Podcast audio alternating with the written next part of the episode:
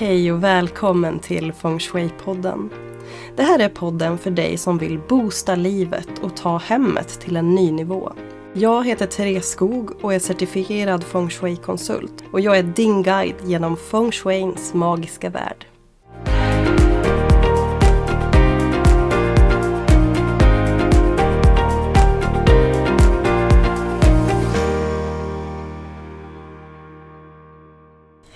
Och varmt, varmt välkommen till kanske ett av de viktigaste avsnitten i Feng Shui-podden. På förekommande anledning, jag har flera gånger fått önskemål om att släppa ett avsnitt som handlar om just att bryta reglerna. När man börjar utforska feng shui och läser på om alla de här verktygen och råden och riktlinjerna och reglerna många gånger så är det lätt att man blir rädd. Jag upplever att många beskriver en rädsla för att de ska göra fel och jag får också många gånger frågor om eh, ja, men, vilken färg ska jag ha på det här, vad är rätt, vad är fel, eh, vad ska man ha, måla för färg på väggarna och möblerna och, alltså, och, och någonting som kanske är en av de svåraste bitarna tycker jag är att jag många gånger får kommentarer om folk som är nervösa när jag ska hälsa på eller som att jag upptäcker och ser alla fel hos mina vänner och bekanta. Och så är det verkligen inte.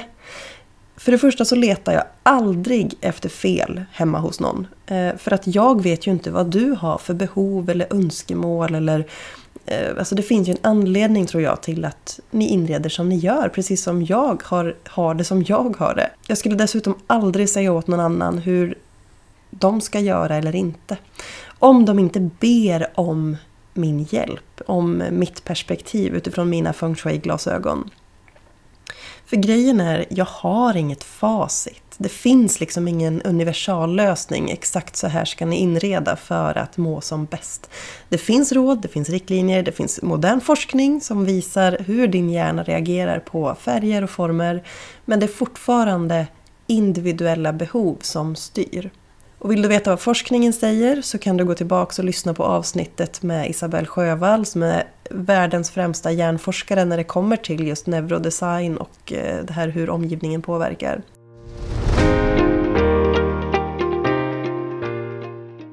För när det gäller alla de här reglerna och råden. Du ska inte ha en spegel i sovrummet så att du ser dig själv när du sover. Du ska inte ha hylla över huvudet när du jobbar eller när du sover.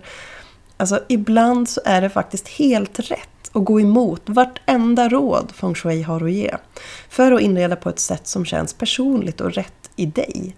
Det viktigaste är ju att, att du trivs i ditt hem, så skit i reglerna. Lär känna din magkänsla istället. För jag är helt övertygad om att du sitter på svaren du behöver ha.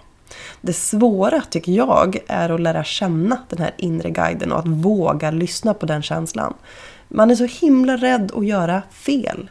Och för vem gör man fel? Om du trivs med att ha hyllan över sängen så är ju det helt rätt. Eller om du trivs med att ha ett illrött sovrum, då är det helt rätt för dig. För min sanning kring feng shui är att mycket av den här klassiska skolan inom feng shui, att det innebär en massa regler och pekpinnar och det är väldigt strikt om man tänker hardcore feng shui. Och det här vill jag tvätta bort. Feng shui är flera tusen år gammalt. Mycket av Eh, de råden och riktlinjerna som finns är bra för oss utifrån ja, men det som jag nämnde med neurodesign och att det faktiskt är bevisat att vår hjärna kanske reagerar på många olika sätt. Men feng shui är också väldigt gammalt. Jag vill tvätta bort det här strikta. Jag vill lyfta upp allt det här positiva med feng shui och visa att Släpp loss läran, du kan göra det och du kan plocka russinen ur kakan och utforska och skapa god feng shui på ditt sätt. 2023 lever vi i nu och jag menar, håll fast i det som resonerar med dig och släpp taget om de här riktlinjerna och råden som inte känns rätt för dig. För när jag pratar feng shui så är feng shui är den röda tråden i allt jag förespråkar. Men det handlar ju inte om hardcore feng shui. Jag vill inte att du ska liksom köpa hela läran och gå all in följ alla råd och riktlinjer. Utan jag vill ju uppmuntra dig till att utforska din resa och att lära dig att lyssna till din magkänsla. För för mig handlar feng shui om en livsåskådning. Och det innebär att vårda det du har omkring dig. Att se och uppmärksamma det här sköna du har omkring dig och också uppmärksamma hur andra saker, hur det påverkar dig. Jag vill att du ska få upptäcka och utforska hur du och ditt mående påverkas när du börjar förändra eller vårda ditt hem på ett kanske mer medvetet och innerligt sätt. Eh, för även om jag ibland kan säga saker som undvik att hänga en hylla över sängen eller över skrivbordet för att du ska få bättre sömn eller jobba bättre. Så är det kanske ändå helt rätt för dig att ha en hylla över huvudet när du sitter vid ditt skrivbord eller över sängen. Då ska du ha det. Du ska följa det som känns rätt för dig. Så när jag delar mina analyser eller råd, ta inte det jag säger på för stort allvar. Lyssna till det här som resonerar med dig och skit i resten.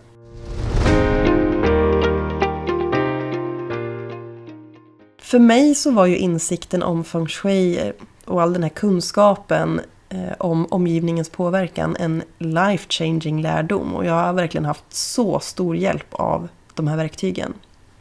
Men mitt hem är fortfarande ett stort bekymmer på många sätt. Eh, jag har fortfarande för mycket saker som jag tycker.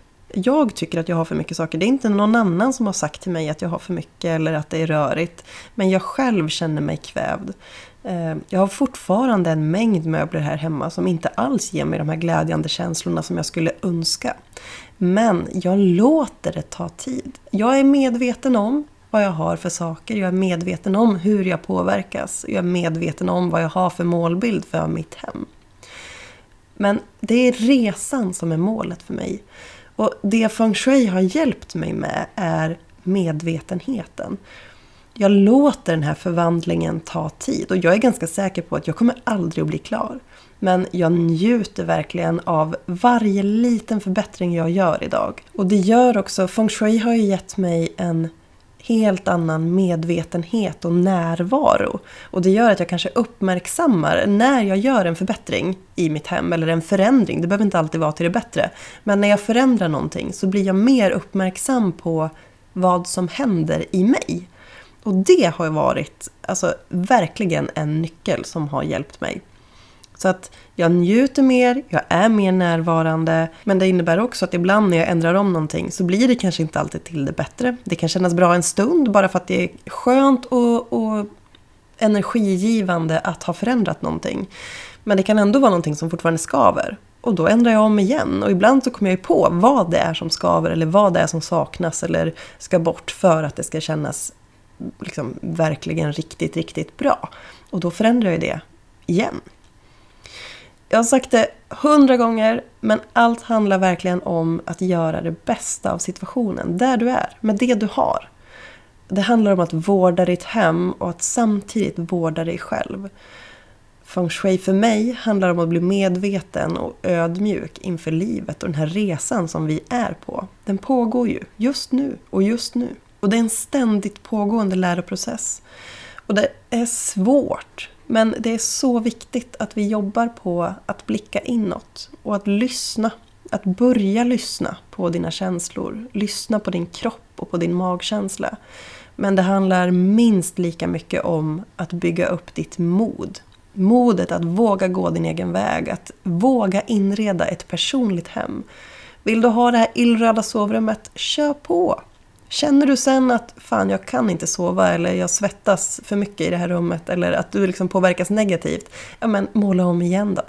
Men det viktiga är att vi bygger upp tilliten till vårat, våran egen känsla. För vi bombarderas ju med andras inspirationsbilder, hem, alltså sociala medier, tidningar, TV, filmer. Vi, liksom, vi matas ju proppfulla med hur andra har det. Men vi behöver jobba bort den här jämförelsebiten och blicka mer inåt. Och se det som en nyfiken upptäcktsfärd när du, får, när du bjuds in i någons hem. Det är ju bland det finaste vi kan göra, att bjuda in någon innanför mina murar i hemmet. Eh, var lite nyfikna. Vad är det som gör hemmet personligt? Eh, för det kan jag också uppleva ibland eh, när jag har pratat med kunder som har upplevt problem med, med olika saker i livet och så kommer man hem till ett hem som är kanske väldigt minimalistiskt många gånger där det inte finns något personligt. Det är inget fel med ett minimalistiskt hem men när det saknas personliga tillhörigheter. Allt handlar om yta och design.